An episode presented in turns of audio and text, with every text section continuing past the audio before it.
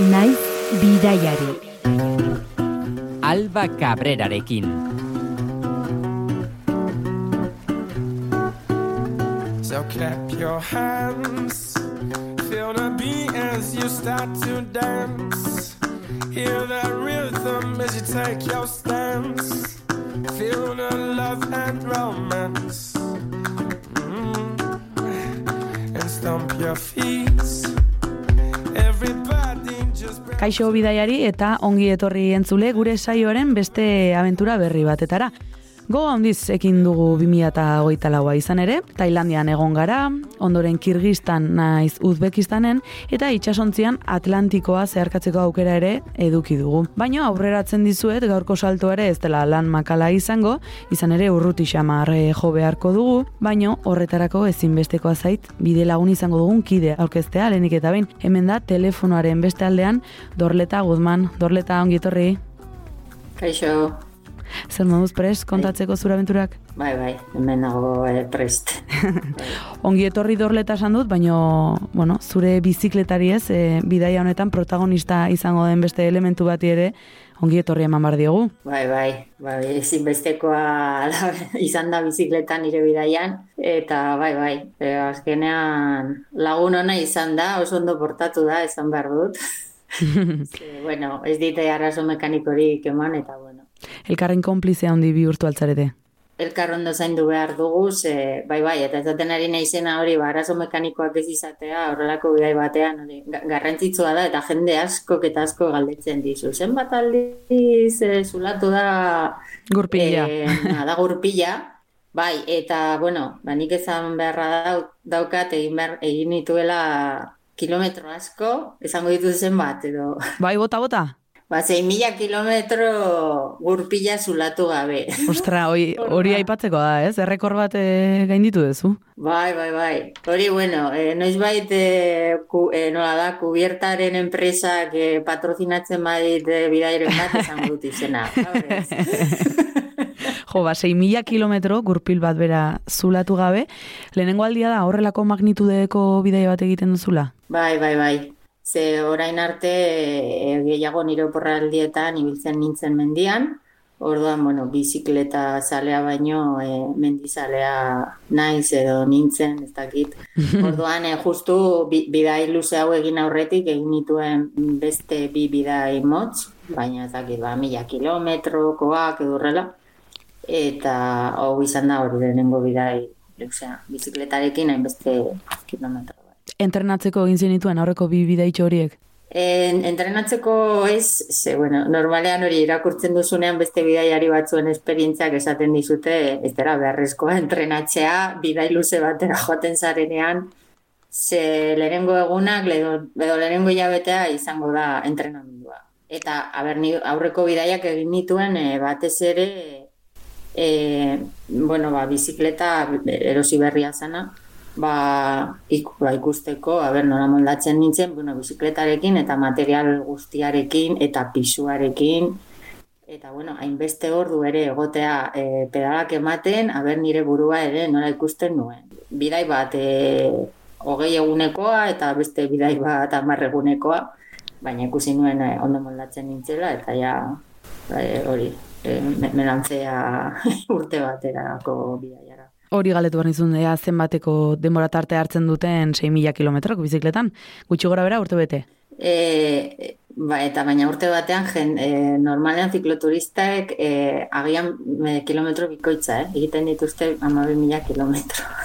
Bueno, bakoitzak bere ritmora, ez? naiz oso, bai, bai, ni joan naiz oso, oso, osea, nire ritmora, eta, karo, leku batzuetan geratu naiz e, egunak eta egunak, adibidez, lekuren batean, iriren batean, bi aste edo hiru aste. Orduan ez naiz joan, hor- hori ere oso galdera ohikoa da, jendeak esaten zura, egunero zenbat kilometro egiten dituzu. Eta, a ber, ni garri neukan ez nuela horrela, e, plana, e, plan bat bai, ze leku bizitatu nahi nituen, eta bai, gutxi gora bera, ba, kilometro batzuk, baina baina ez nuen egin nahi oso plan e, Itxia, ez? Edo. Bai, bai, ze hori ere irakurrita nuen e, beste bidaiari zikloturista batzuei, oso itxia egiten duzunean plana, e, ba gero jende asko ba, konturatzen, oza, konturatzen da pasatu dela leku batzuetatik, ba, denbora gehiago geldituko zena, baina hori nola egiten zuten plana de, ez gaur, e, hemendik ona, ez dakizen ma kilometro, eta hurrengoan joan behar gara araño, eta ba, bidean gauza asko galdu dituztela, eta bidaia bukatzerakoan ba, damutu egiten direla, ordan esan nik ez dut damutu nahi. Bai, ez pixkat zure, zure beharren eta zure gogoen arabera juntzea moldatzen abiadura. Hori da. Eta orduan, bueno, hasierako plana, e, bazen e, e, hiri batera heltzea eta ez naiz hiri horretara heldu, baina bueno. ba. Eta zergatik bizikleta, dorleta, zergatik aukeratu garraio bide gisa bizikleta? Bale, ba, orain arte ni- nire bidaiak egiten nituen, bueno, ba, motxilarekin eta garraio publikoan, baina hori, ba, beti izan dira hilabete bateko e, oporraldiak edo bidaiak. Baina hori, urte baterako bidaia egin nahi duela, ba, erabaki nuenean, ba, bueno, hasi nintzen irakurtzen ere, ba, bizikletan e, bidaiatzen zutenen, ba, blogak ez, eta, bueno, aventurak eta Eta, bueno, ba, ikusi nuen, ba, aukera hona zala, bueno, alde batetik, ba, bueno, ez nuelako, e, e, nola da, kutsatuko. Horda, bueno, naiz eta zerbait oso txikia, oso txikia izan, ba, esan nuen, bueno, ba, gutxiago kutsatuko dut. Eta gero jende guztiak komentatzen duelako e, herrialdean zaudenean, jendearekin kontaktua, askoz ere gertukoa dela, e, hori, garraio publikoan edo esaten dutena motxilero moduan joaten zarenean. Bai, zentzu batean ateak irikitzen dizkizula, ez? Bai, ala izan da. Bai, bai, kontaktua jendearekin edo herrialdea hori, ba, jendearekin e, hitz egitea edo kontaktu hori askoz ere e, zuzenagoa izan da. Gainera dorleta saionetan maiz e, aipatu izan dute elkarrezketatuk, ez? E, elmugak berak bezain garrantzitsuak izaten direla elmugetara iristeko bideak, ez? Eta behar bada bizikletak ere hori badauka, ez? Batetik bestera mugitzen ari zerenean tarteko bidez ere gozatzeko eta sufritzeko imaginatzen dut ere aukera ematen dizula. Momentu batzuetan bidaian, karo, bai sentitu dara, jo, zer egiten dut hemen nik pedale eragiten autobus bat hartu. Nola heldu naiz ni onaino. Baina, bestalde, e, ikusi dut e, abiadura hori e, ba, gustatzen zaidala, zuk esaten duzunagatik, ze bidean, e, bueno, ba, jendeak, jendearekin topatzen zara, eta jendea galdetzen dizu, ba, galditzen zara momentu bat, beraiekin hitz egin, eta hori. Eta orduan, bueno, bidai honen barruan ere batzutan autobuse, autobusetan joan naiz, eh? Ze zati batzuetan, gero gehiago ez dakite azalduko duzu ja esaten dudanean nora joan naizen, ba, zati batzuk egin ditut eh, autobusean. Eta, karo, eske oso ezberdina da, bidaiatzea, ze, karo, autobus batean joaten zarenean, zaude leku batean, eta pun, bat batean, oso azkar agertzen zara beste leku batean. Orduan hori ere, ez dakit, eh, buruan, ez, ezberdina da. Ez, da, ez dakit eh, azaltzen naizen. ze- Bai, bai, bai, bai, Da bai. sentsazio arra, arraro bat, baina e, ba hori, bidean bide hori egitearen ikuste dut, e, Bai, leku aldatze horretan parte hartzaileagoa zera, ez? E, bizikletan pedalkadei ematen joaten zarenean behar bada. bai, bai, bai, bai, hori, eta batzutan hori ba, gertatu izan zait, ba, ez agian, ateratzen zairela ez dakite lekuak esango genuke ez direla, ez famatuak edo herri horietan ez dago zer horrela berezia ikusteko, baina, bueno, ba, bidean topatu duzun jendea, jo, ba, izan dituzu, ba, elkarrizketa interesgarriak, edo ikusi duzu, ikusten, edo adibidez herrialde batzutan, adibidez, animaliak. Ze, karo, kotxe batean zoazenean errepidetik ez, ez dituzu animaliak inguruan gertatzen dena entzuten. Orduan, bizikletan bai. Orduan, ostras, eh, animali bat entzutea eta ostras, pur, hemen geratuko naiz, eta jo, izatea hor nahiko gertu argazkiak atera, eta gero igual, joaten zara parke naturalera, ordaindu duzula eh, sarrera eta dana, eta ez duzuan ez ikusten. Beraz, e, sorpresa atseginak ere ekartzen ditu bizikletak, e, izerditantez Bai, bai, aparte, bai. ez? Bai, bai, bai, bai. Ba, bizikleta izango dugu protagonista nagusi, bizikleta eta artoa. Zergatik aukeratu didazu objektu hau bueno, ba, artoa izan delako, ba, hori, objektu edo zerbait, e, ir, e, pasatu nahi zen herrialde guztietatik, e, bueno, ba, e, jaten dela, baita ere, han nengoela, entzun nuen, e, abesti bat, esaten zuena, somos hijos del maíz, eta bai, bai, Osa, pasatu nahi zen herrialde guztieta, guztiek lotzen duen zerbait da hartoa. Zuk hartoa jan altzen nuen, e, bizikletan indarra hartu ez, eta gero ja pedalkadei eragiteko? Pues, bai, e, egunero ez, baina, baina askotan. Ze, bueno, han, han hartoa, bueno, ba, zan, e, bate, orain dela mende asko, klaro, ez, eh, jaten zutena, baina, bueno, gero garai batean sartu, heldu zenara arroza. Beraz, ez dugu herrialde bakar bat buruz ez gara jardungo, baizik eta askori buruz ez da, dorleta, eta galetu nahi izun, ja, behin e, hartoa aipatuta, ze errepidetan murgilduko gara gaurkoan, edo ze herrialde bisitatuko ditugu? Ba, a, ah, bueno, herrialdeak ez. E, ba, bueno, hasi nintzen e, Cancún, e, Mexiko egoaldean, hor da, bueno, joan nintzen Mexiko egoaldetik, eta, bueno, pasatu nintzen Txiapasetik, eta Txiapasetik e, Guatemalara. Eta han ja Guatemalan hartu nuen e, e, Panamerikana eitzen dena. Ba, joan nintzen e, Panamerikana jarraituz, ba, zeharkatu nuen e, Guatemala, El Salvador, Nicaragua, Costa Rica, Panamá, Gero Panamatik e, Kolombiara pasatu nintzen e, barkuan. Eta orduan Kolombian e, bueno, joan nintzen han ja utzi nuen e, Panamerikana. Ze joan nintzen e, Kolombiako iparraldea. Eta Panamerikana doa gero Kolombiako iparraldetik pasatu nintzen e, Venezuelara. Eta gero Venezuelan e, bueno, zeharkatu nuen mendebaldetik ekialdera eta ego ekialdetik sartu nintzen Brasilen eta Brasilen amantu zen bidaia. Urtebeteko bidai hori eta aipatu dituzu makina bat herrialdez. Panamerikar errepidea ere e, bueno, aipatu duzu orain e, ibilbide honetan eta galetu nahi nizun ea zikloturista gehiagorekin egin note zenuen topo, ez? E, Panamerikar errepide horretan. Ba, espero nituenak, baino askoz ere gutxiago. Pentsatzen nuen jende gehiago, zikloturista gehiago berekin topo egingo nuela, baina baina ez oso, oso gutxi. Ratzen dut orain txe, ba, justu kasualitatez, Panaman egun berean bi, errepidean. Wow, eta gero, ez errez? Ja. ez errez. Jo, eh? haze kasualidadea. Elkarrekin zijoazten edo? Ez, ez, ez, ez bakoitza ez, bere aldetik, eta baina, karo, ni, bueno, bat, bat topatu nuen, uste dute aurreratu nuela, eta gero berriro bat ikusi nuen, eta esaten nuen. Ah, bai, eta pentsatu nuen lehenengo azala, eta ez zen beste bat. Beste bat. Ederra kasualidade. Bai. Eta gero, e, errepideari erreparatuta, azpiegiturari dagokionez, herrialdetik herrialdera errepidearen ezaugarriak aldatzen dira? Bai, ba, ba asko bai.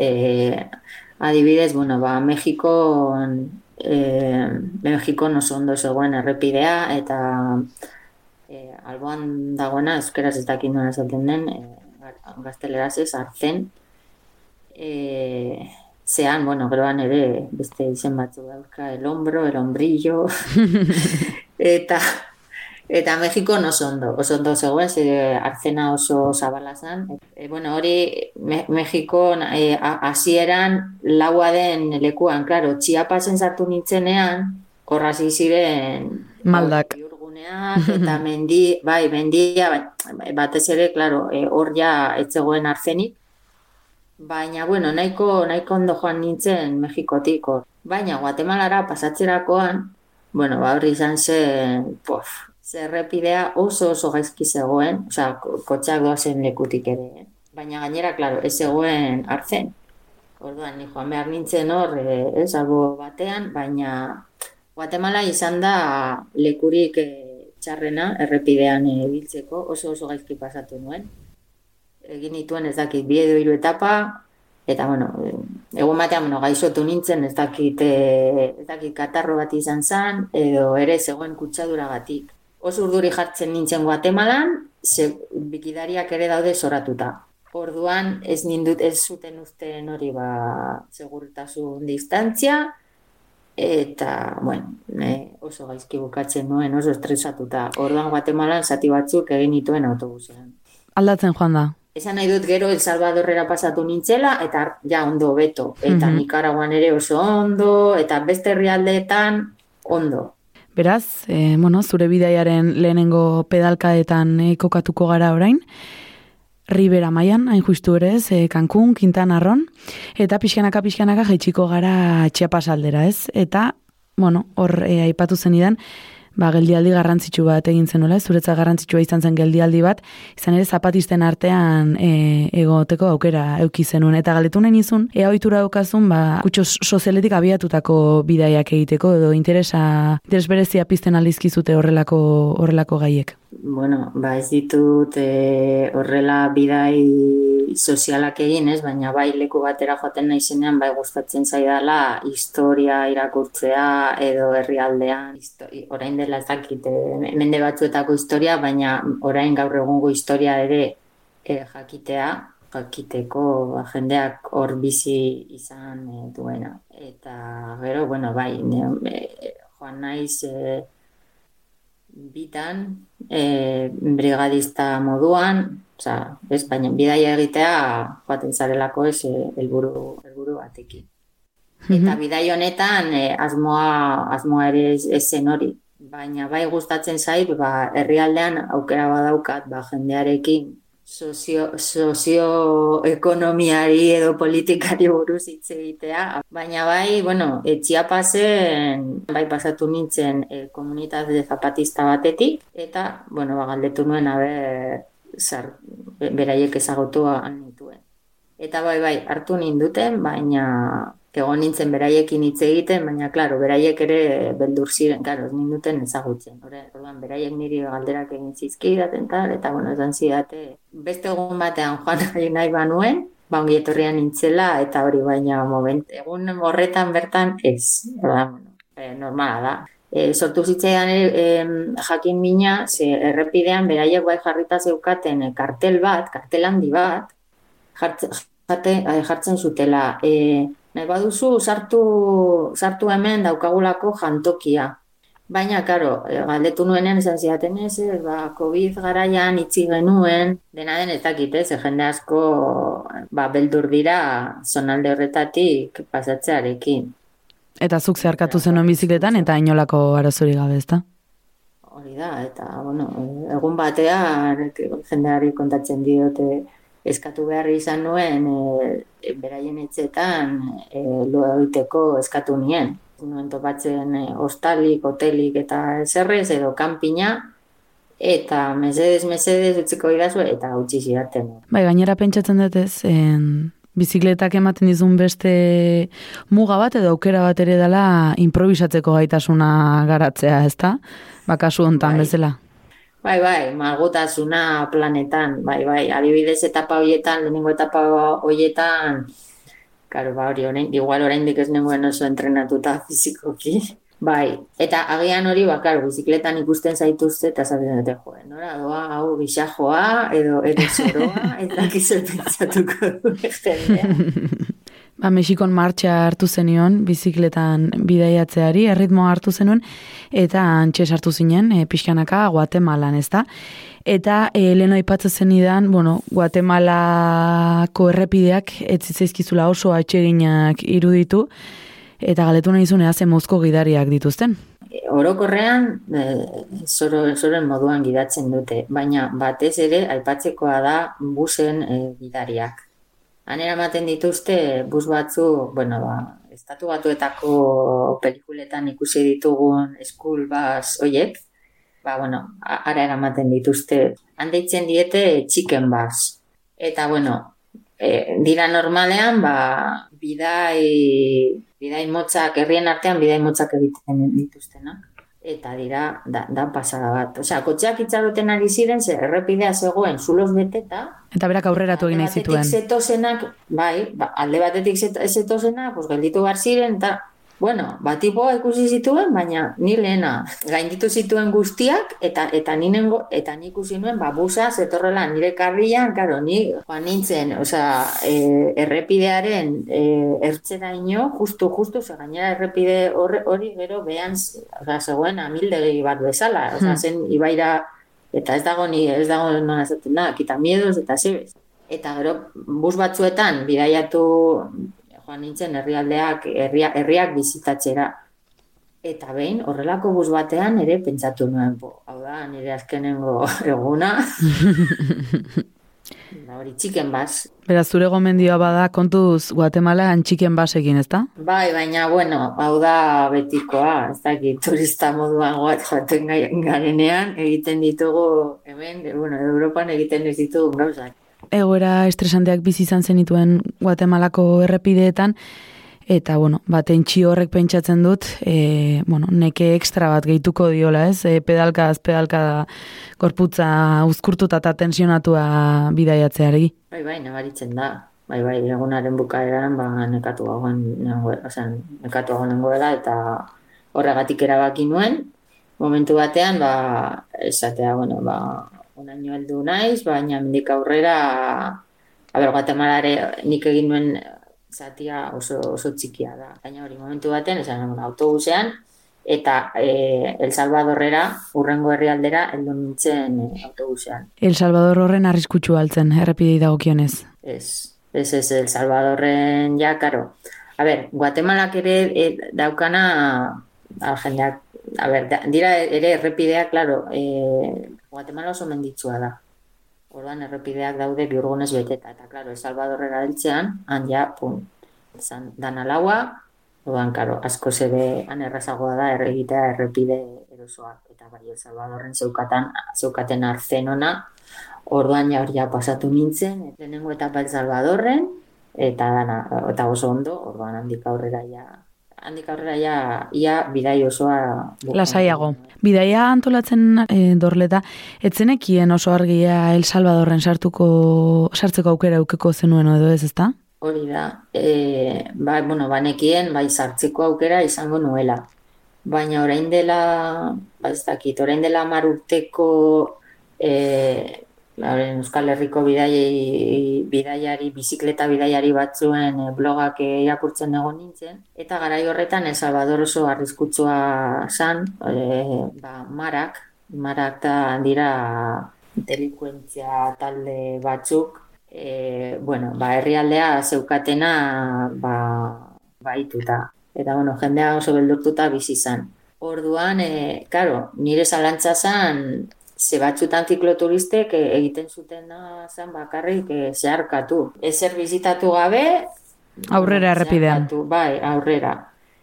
Irakurri nuen batzuen em, bidaia, eta hoiek adibidez eskatu zuten, eskatu zioten poliziari laguntza, eta bai dirudi orain dela hamar urte, e, pos, posible zela hori egitea, eta, eta joaten zara, posi, osea, polizia batzuekin eskolta moduan. Bideian, errepide Bai. guru, eh, herrialdea gurutzatzen? gurutzatzeko Panamerikanatik eskolta batekin, orduan, zikloturista horiek esan zuten, bueno, ba, bai, ondo, primeran, ze horrela, klaro, e, soaz bizikletarekin oso lasai, ze kotxe bat atzean eraman da, ba, karo, ba, ez, kotxeek aurreratzen zaituztenean, ba, zuan, nor, primeran. Orduan, bueno, ba, ni egin nuena izan zen, e, justu bidaia hasi aurretik, irakurri nuela berrian, e, kasetare bat, kasetari baten artikulua han egonda sana, eta hori azaltzen zuena ere. A ber, orain egoera guztiz ja aldatu da. Orduan, lasai joan zaitezkete El Salvadorrera. Eta, bueno, eske izan da, orain dela bi urteko kontua. Bai, bukele gainera politika gogorrak ezarri ditu, ez? E, herrialdea salbuespen egoeran dekretatu eta eta bueno, aipatu izkiazun taldeen aurkako atxiloketa gogorrak e, egin ditu. Gainera, Amerikako kartzelarik handiena inauguratu zuten, e, joan den urteko urtarrilean, Zentro de Confinamiento del Terrorismo deitutako eta han berrogei mila preso egoteko gaitasuna dauka espazio horrek eta bertan daude ba, atxilo ba, MS amairu edo Mara Barrio 18 kideak, ezta?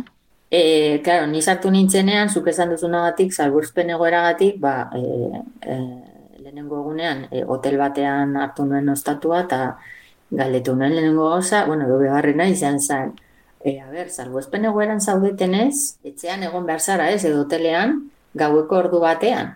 Eta esan zidaten, ez, ez, ez, ez. Zue zaitezke edo zin ordutan e, kaletik.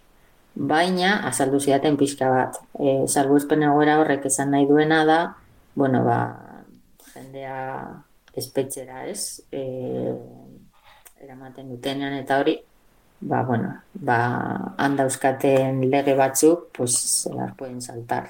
Suposatzen dut, ba, etxeetan ere, ba, registroak egin e, epaile baten baimenik gabe, edo ez dakit, horrelako, horrelako gauza. Asuntoa, asuntoa da, karo, ni horrekin, horrekin ere, ba, ba, jendeari ere galdetzen nion, a ber, e, zer moduz, eta, karo, ni bai irakurrita nuen, ba, hori, nahi bukeleren kontrako artikuluak. Bueno, eta batez ere, ez Europako herrialde askok, ba, esan dutelako, ba, hori, ba, giza eskubideen kontrari dela, eta, bueno, ez oso polemikoa da asuntoa ile apaindegirago nintzen. Eta ilea apaindu zidanak, bai galdetu zidan, ah, nola topatzen duzu herrialdea? Eta nintzen, ba, oso ondo. Eta esan nion, bai, baina, jo, e, hori nahi bukeleren e, egiten ari dena oso polemikoa izaten ari da. Eta kasualitatez, e, itxaruten ari zen beste emakume bat, e, esan zuen, bai, ze adibes begira zer egin zuten nire semearekin. Karo, esan zuen bere semea, atxilotu zutela, ze, klaro, sartzen da polizia, eta auzo batean, pues, badirudi, ba, gaztea bazara eta eta eta ezakitatu ajeren batera emango zuen edo zer, bron hartzen dutela jende gazte guztia. Eta, klaro, egon zela, eh, espetxeratuta, zei hilabete. Klaro, demostratu zutenean, e, inozentea zela. Klaro, ana egiten ari dira kontrakoa badakizu, no? Aldez aurretik, e, da, zara e, culpable, eta gero demostratu behar duzu eh ezarela ez eh, erduna orduan baina emakumeak adibidez ez zuen esan ezer eh ez zuen esan ezer nahi bukereren kontra. Zen pentsatu nuen agian esango du ah begira beste herrialde bat beste herrialde batzutan jendea bere gobernuarekin ez badago ez ah mira el gobierno porque mira lo que hace y este y tal igual eta honek ez zuen ezer esan, bueno, eske, bai, baina, bueno, eske, orain, bueno, beto gaude, segurtasuna kalean, eta hori, eta, bueno, eraten nintzen pizka bat, eta, klaro, hori, jende, ni jende guztiak, esaten zuen, posik zegoela, egoera berri honekin, orduan. Etzen horren desatxegina edo izan, eh, El Salvador gurutzatzea azkenean? Ez, ez, ez, ez, eta ni bili nintzen e, gauez, bueno, hori, ziretan ja gau egiten da, orduan, e, erri txikietan, baina San Salvadorren ere hiriburuan, ba, zentro, zentroan, a ber, ni galdetzen nuen, beti galdetzen dut, a ber, e, herri honetan edo hiri honetan nondik ibili naiteke.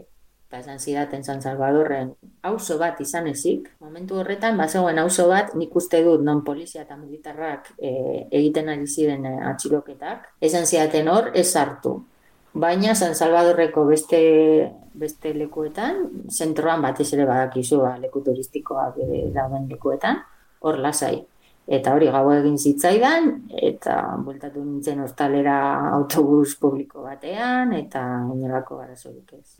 Mexikoko goaldea dastatuta, Guatemalako errepiden labirintoa zeharkatuta eta El Salvadorreko errealitatera gerturatuta, azken herrialde horrek Hondurasekin duen mugara iritsi zinen, baina erabaki zenuen, bazure urrengo etapa errepide gainean izan ordez itxasontzian izango zela. Alegia, Honduraseko lurrak e, etzen dituela probatuko, baizik eta hori uretatik inguratuko zenuela, ezta? Ba bai, hori izan zen, sorpresa, ze nengoen hori El Salvadorreko hostal batean, ja, ba, Honduraseko mugatik gertu, eta ba, ez dakit zerbait komentatuko nion hango jabeari, eta esan zidan, ez ez, baina zituzu behar Hondurasetik e, lurretik pasatu behar. Joan zaitezke hemendik Nikaraguara hori e, barku batean. Pasatzen duzu e, badia bat, deitzen da Fonseca badia, eta da oso polita. Horren beste kilometro eginda bizikleta gainean, eskertzen aldu gorputzak tarteka atxe dena? Hombre, noski, bai, bai. bai, horregatik eh, leku batzuetan, bueno, ba, gelitu naiz, e, e, deskantzatzera, ze, bueno, da gorputza, eta nik uste dut ere, e, aber, gorputza, baina burua ere, osea, mentalki Osea, gotea egun asko jarraian, ia egun osoa pasatzen duzula, ez, pedalak ematen, eskatzen, eskatzen, gorputzak eskatzen dizu, bai, leku batean, edo niri bintzat, leku batean e, gelditzea.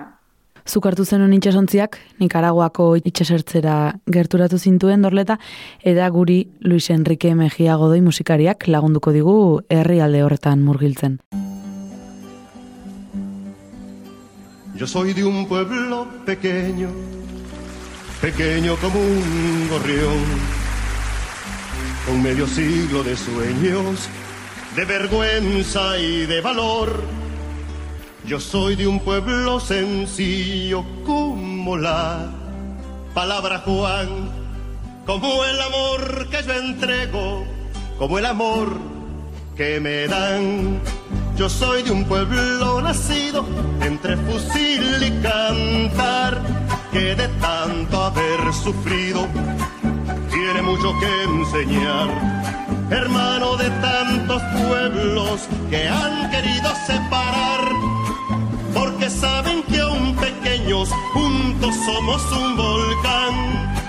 Porque saben que aún pequeños juntos somos un volcán. Yo soy de un pueblo nacido entre fusil y cantar, que de tanto haber sufrido tiene mucho que enseñar, dio bestiak dorleta. Zuri, zer erakutsi dizu Nikaraguak?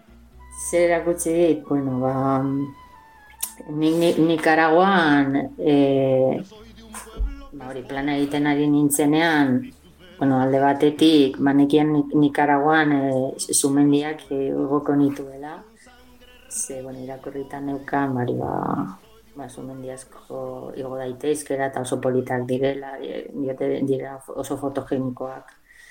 Eta baina gainera beste helburu bat neukana zen e, Leon irian dagoen e, ba, irautza sandinistaren museoa. Ba, gogoratzen nuelako ez nire gaztaro garaian e, ba, bestiak ez Nicaragua sandinista eta horrelakoak. Eta, eta hori, Orduan, bueno, ba, museo horretara joan nintzen, eta bueno, han oso ondo azaltzen dizute nola izan zen hango iraultza. Eta, bueno, ni irakurritan neukan Euskal Herria, bueno, ez dakit nola esan, e, estatu bat, herrialde bat izango balitz munduan, proportzionalki izan zela brigadista gehien, e, bidali zituen, iraultza mundutik brigadista gehien bidali zituen herrialdea. Harreman estua daukate, Nikaraguak eta Euskal Herriak zentzu batean. Orduan, bueno, ba, egon nintzen hango gizonarekin ere, bera, iraultzan egon zana, eta, bueno, ba, euskarrizketa oso, oso interesgarriak ez. Adibidez, galdetu nion, zerbait, ni ba, beti galdetzen dio da jendeari ez, ba, bueno, ba, iraultza baino lehen, ez, ba, egon ziren urte batzuk, no, karo, jendea, ba, kontzientziatzen ibili zirenak, ez, Eta oso, oso degarria izan zen erantzuna, zizan zidan, bueno, ba, hori, iraultzaren musa dago Leoneko plaza nagusian. Ba, begira, hor, plazan jartzen ginen, eta zen zidan musikarekin.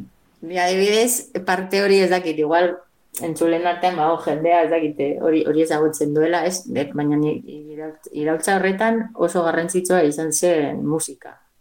Eta zen ba, jartzen ginen hor, musikarekin, tal, karo, abesten, abestia, bueno, ba, ez, e, mesu politikoarekin.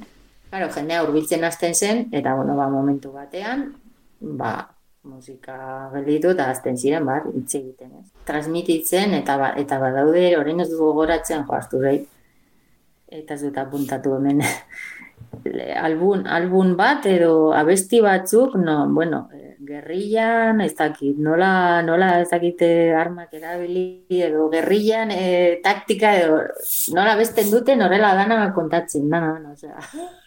Guztiek ezagutu dezaten. Ba, garria, eh? Bai. ba, musika ipatu diazu, eta Nikaraguan, bueno, beste geldialdi bat egin bar dugu, apur bat folklorikoagoa gainera, espazio kultural batean e, izan zinelako, bueno, ba, bertako dantzak eta doinuak ezagutzen ikasi nituen euskal dantzak, eta bai, interesatzen, gustatzen zaizkit, ez, bertako dantzak e, pasatu nintzen zentro kultural batetik, eta sartu nintzen, eta hor zeuden entzegoak egiten, eta nio, jo, ba, entzaiatu dezaket zuekin. Eta bai, bai, etzizan zidaten, eta hori, orduan e, ezagutu nituenan Nikaraguako, Nikaraguako dantzak, eta hori eta bestiak. Eta, bueno, horrela, e, kuriositate moduan, ezakite ezagutzen duzun e, hemen egiten da dantza bat zintekin, zuait, ezakit nola ditzen den zuaitzen dantza edo zin, bueno, Koloretako izen- zintekin. Bai, bueno, ban berdin, berdina daukate. Ah, beraz hori ezagutzen zenuen. Bai, ni, ez, nik ez, ez nuen hori egin, baina, karo, han, han, han eh, taldekideekin galdetu nien, e, ze, bueno, beraiek ensaiatzen zuten ba, batez ere sonalde bateko dantza. Baina, esan zidaten, klaro, Nikaraguan oso ezberdina, argi utzi zidaten, Nikaragua oso ezberdina da, Karibe aldea, iparraldean, eta hegoaldea. Ba, historikaki izan dituzten, bueno, influentziak eta hori. Eta nolako doinuek laguntzen dituzte bertako dantzat? Ba, deitzen dira inditas eta mm, jo, orain gero iparralde, e, iparralde, iparraldean e, egiten dutena dauka Afrikako ipa, iparraldean nola izan zen e, lekuan honen e, ziren no? e, Afrikatik e, ekartzen zituzten esklabuak ba hango dantzak daukate ba hori Afri, Afrikako ku- kutsua, vamos, eragin oso ezberdinak dira, e, erritmoak eta mugimenduak, ez. Perkusioak indarra handia dauka? Ziagoak eta bai, Doinu folklorikoen laguntzaz eta tartean beste zenbait herrialde gurutzatuta ere iritsi zinen Venezuelara. Ongi etorri beroa, e, jaso zenuen Marakaibon, eskuzabaltasun handiko jendearekin egin baitzen nuen topo. Venezuelara sartu behar nintzenean, ba, Marakaduko e, Warm Showers batekin e, kontaktuan jarri nintzen. Eta, bueno, ba, erantzuna izan zen, be- bere etxean ezin ninduela jaso, momentu horretan, baina e, ea nire kontaktua jarriko zuen, ba, Venezuelan daude WhatsApp talde batzuekin, ba, direla, ba, zikloturisten Laguntzeko sare bat edo. Bai, laguntzeko sareak edo edo beste WhatsApp talde batzuk dira e, turistak laguntzeko sareak. Orduan, zu joaten bazara e, kotxean, e, autokarabanan edo ibiltzen, motxilero bezala, sartzen zara talde hor- horietan eta jendeak ba, laguntza eskaintzen dizu. Orduan, bueno, ba, Venezuelan izan da izugarria, ze azkenean, ba, hori, ia, e, ia egunero, joan naiz, e, etxez etxe. E, ba, talde horien bitartez, ezagutzen nuen jendea, edo, edo etxe batean egonda, ba, jendeak ezagutzen du beste norbait, e, segun, eta zein herrialdera, e, herrira, osea, segun eta zein den zure urrengo etapa, ba, batzutan taldean jartzen nuen, baina beste batzutan etxekoa bertakoak esaten zen, ah, ba, ba, ja, ni ja ezagutzen du norbait idatziko diogu. eta Lotzen zizun bidaia. Bai, Eh, bai, bai, izan da horrela. Gainera laguntzarrak bisitatzeko tartea ere euki zenuen, ez? E, izan ere urte batzuk lehenago, brigadista gisa joan izan baitzinen herrialdera, bai parraldean, naiz hegoaldean kokatutako zenbait komuna bisitatzera. E, hori, 2019an joan nintzen askapenak, e, askapena elkarteak e, antolatutako brigada batean, orduan bai, bueno, ja Venezuela ba, ezagutu nuen, ezagutzen nuen pizka bat, eta bai banituenan e, kontaktu batzuk. Ah, ni egon, bai, e, brigadista moduan em, joan ginean, egon ginen e, bizitatzen e, komunak, edo kontseilu e, komunalak e, deitzen direnak, eta bueno, egon ginen ba, Caracas aldean, eta gero joan ginen Venezuelako hegoaldera. Orduan, zonalde hori ezagutzen duen. Horietako bat e, bada El Maizal, iparraldeko Lara eta Portugesa estatuetan kokatzen dena, eta e, espazioan zein hartzen dute bere goitara lau kontseilu komunalek. E, tarte handia hartzen aldute, eremu geografikoari dagokionez. Herria txikia bada, ba, herri horretan sortzen da kontseilu komunal bat, ez? Baina ondoko herrian sortzen da beste kontseilu komunal bat, eta horrela, hainba, hainbat kontseilu komunal elkartzen direnean, deitzen da komuna. Hori da komunal maizal. Eta gero Venezuelan sortzen ari dira beste komuna batzuk. Eta orain dela urte batzuk, ba, egin dutena da, bueno, beraien artean ere elkartzen ari dira.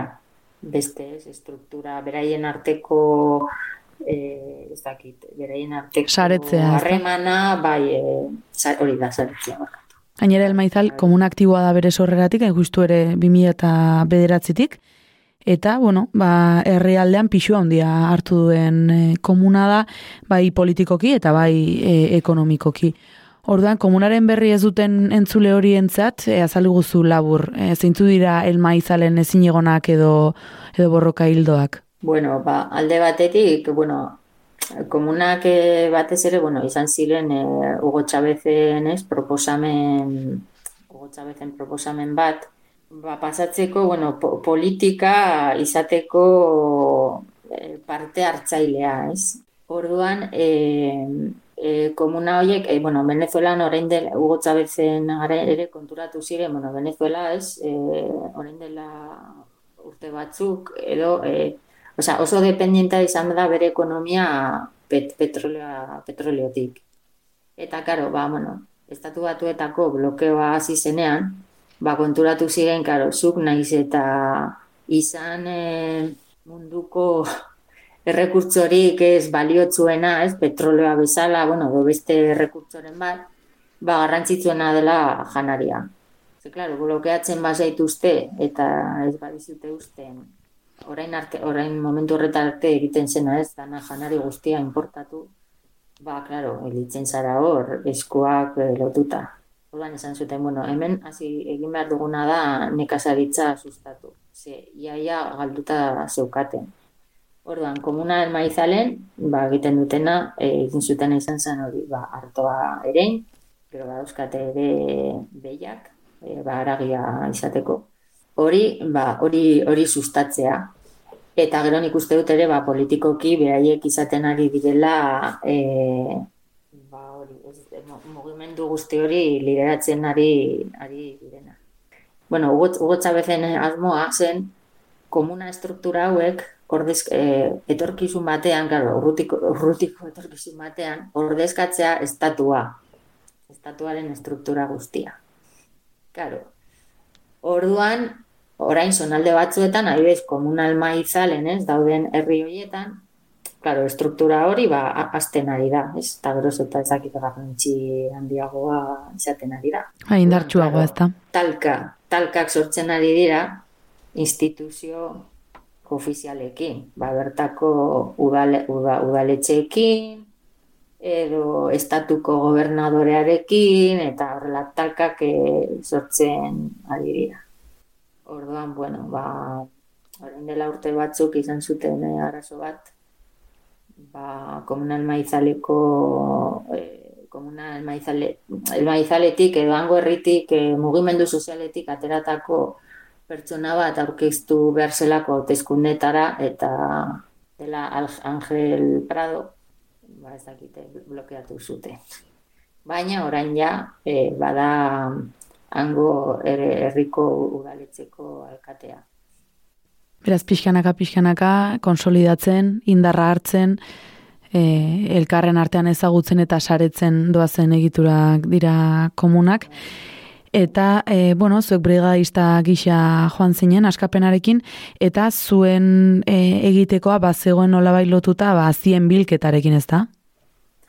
Bai, mm, ba, hori 2008an, ba, hori, e, Venezuelatik, e, bueno, hango, hori, hango kontaktuek edo mugimendu sozialek eskatu zutelako hasiak. Zergatik, ba, arazoak zituztelako lortzeko, no, hasiak e, ez direnak e, transgenikoak. Hau da, ze orain munduan ba, multinazionalek egiten dutena da hasi transgenikoak e, sortu eta hasi hoiekin bakarrik e, e, lortu dezakezu usta bat. Ez, gero ja, fruitua, eta azaltzen dut bizkat, igual jendeak etxan, ez jo, hasiak lortzea, bueno, bizi hori, ez.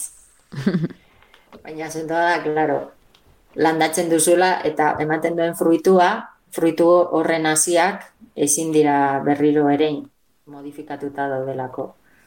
Ordan nahi zituzten hasi eh, han uste dut esaten ziotela hasi krioioak esaten diote eh, usta bat baino gehiago eman dezaketena.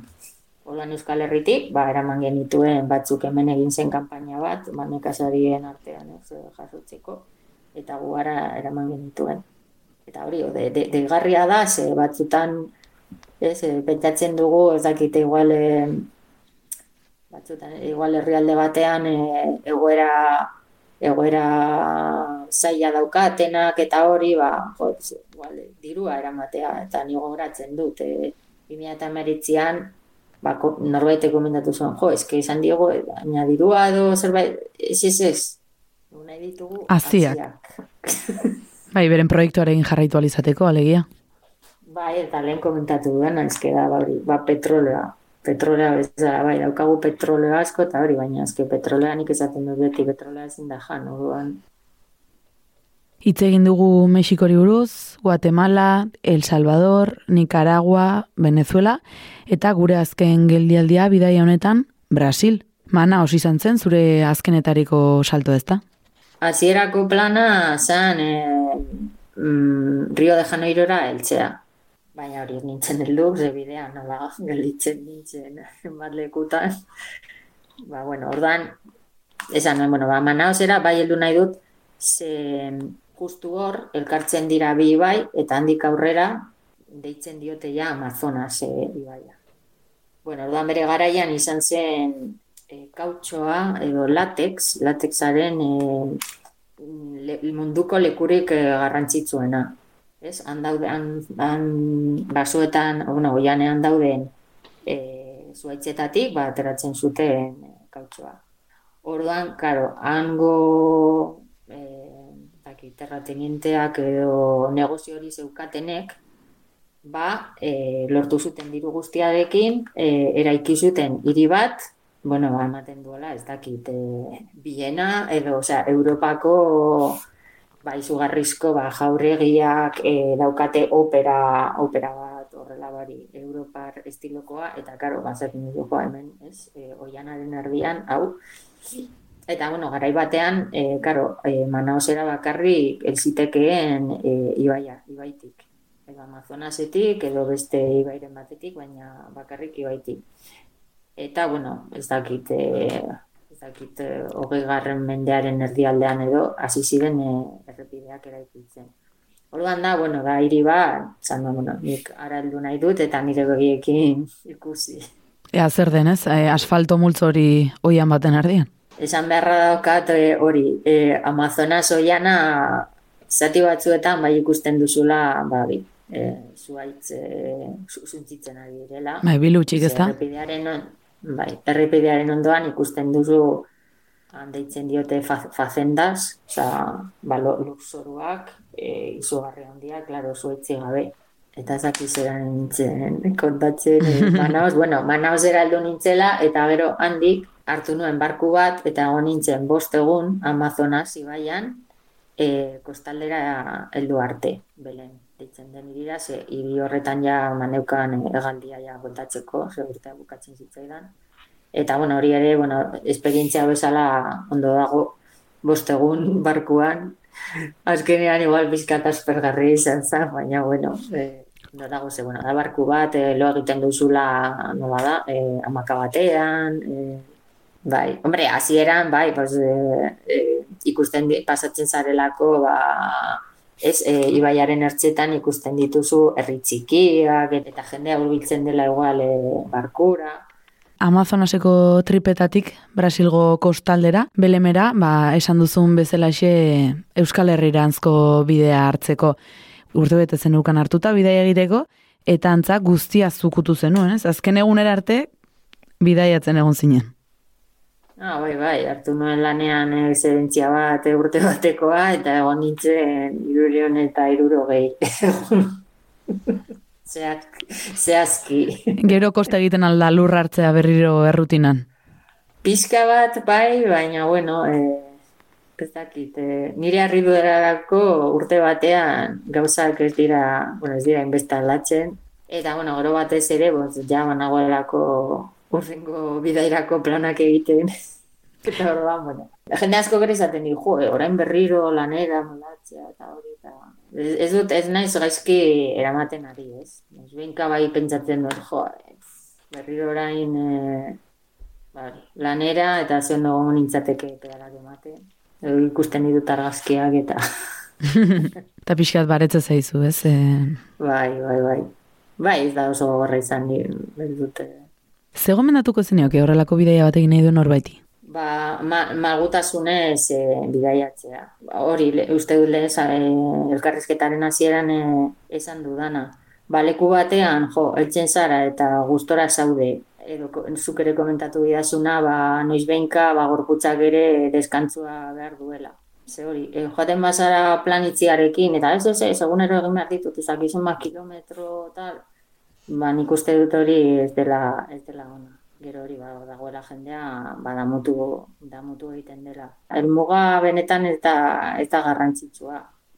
E, Hobela hori ba, bidean e, disfrutatzea, eta eske bidean azkenean ba, esan dizu, na? adibidez, e, Fonseca badia, jo, bos, ni hori benetan, e, bidaia zi baino lehen, eske ez nuen eta izenez ezagutzen. Kontrara, zerretzen eok egomendatuko? Ba, norbaitek hori, e, Ertamerikatik e, bizikletan pasatu nahi badu, nik esango nioke Guatemalan ez, ez, ez, ez, joateko, ez joateko Panamerikanatik e, Guatemala zeharkatzen. Han autobusa hartzea eta lekuak bizitatzea. Baina bai, zerbait esan behar dut, e, norbait, e, joan nahi badu, baina bakarrik e, Guatemalara bizikletan ibiltzera, mendiko bizikletan ibiltzen diren entzat, nik uste du dela paradisua. Ni, nian topatu, nikan topatu nituen e, mendiko bizikleta sale asko. Claro, eta ikusten ninduten errepidean, eta esaten zidaten. Baina, ze egiten duzu hemen panamerikanan, hau da, hau da infernua. Joaten gara... Mendi claro, tontorretatik. Claro, baina ni esaten, nik esaten, ni, ni esaten, ni ezin nahi sartu e, pisuarekin horrelako, bai, zean aldapak dira, eta gainera batzutan ere ez direla igual errepideak, direla hori are asko bideak. Orduan, mendiko bizikleta gustatzen badaizu, pues bai, nik uste du leku polita dela Guatemala baina zikloturismoa egiteko ez. Askorako eman zuen, zure urtebeteko abenturak dorleta. Bizikletak esan aldizu azken boladan, aizu dorleta, egin dezagun beste bidaia bat, edo zer repidetan arkituko zitu zu aurki dorleta? Gustatuko litzei dake joatea Asia, Asia aldera. E, Pamir, Pamir, deitzen jote, bueno, Pamir Highway, hori, Pamirretatik pasatzen den autobide hori, dela, bueno, dela azkenean bide bat, are asko bide bat, baina oso polita omen da, pasatzen zarelako oso mendi oso altu ez inguratuta, eta, bueno, urte honetarako bidaia han hasi nahi nuen, Tajikistanen. Baina asuntoa da, hori da ere begiratu behar dut, ze Tajikistan, Tajikistan eta Kirgistaneko mugan, askotan egoten dira arazoak, e, bueno, e, soldaduak edo militarrak edo arazoak daude eta azten dira elkarri tiroka. Orduan, bueno, begiratu behar dute nola dagoen eh, egoera. Baina gustatuko litzerak ez onalde horretara joatea, bueno, hasi aldera, e, txinaruntz. Mm, handauden, handik dauden herriak, boiz, e, zakit, pasatu edo, edo Bai, Tajikistan, Pakistanetik ere pasatu, dago karakorun highway ere. Beraz, ekialdera begira. Ekialdera, bai, ekialdera. Guk ere, beraz. Ja, kontatuko izuet. Horixe bera esan barra izun.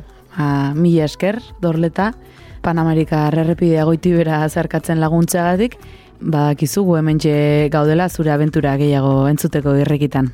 Ba, mila esker aukera emateagatik, nire bidaia kontatzeko eta hori, urrengo batera arte, nahi duzun arte. Ikusiko dugu elkar errepideetan. Agur. Azken boladan, desentigo gara bizikleta gainera, eta beraz, guri ere iritsi zaigu saio amaiera, guri ere iritsi zaigu atxeen hartzeko unea entzule. Dena dela, hemen izango gara, bi aste barru, toki berean eta ordu berean, eta noiz nahi, beti bezala podcast plataformetan. Bien bitartean, bidaia ona izan dezazuela. Agur!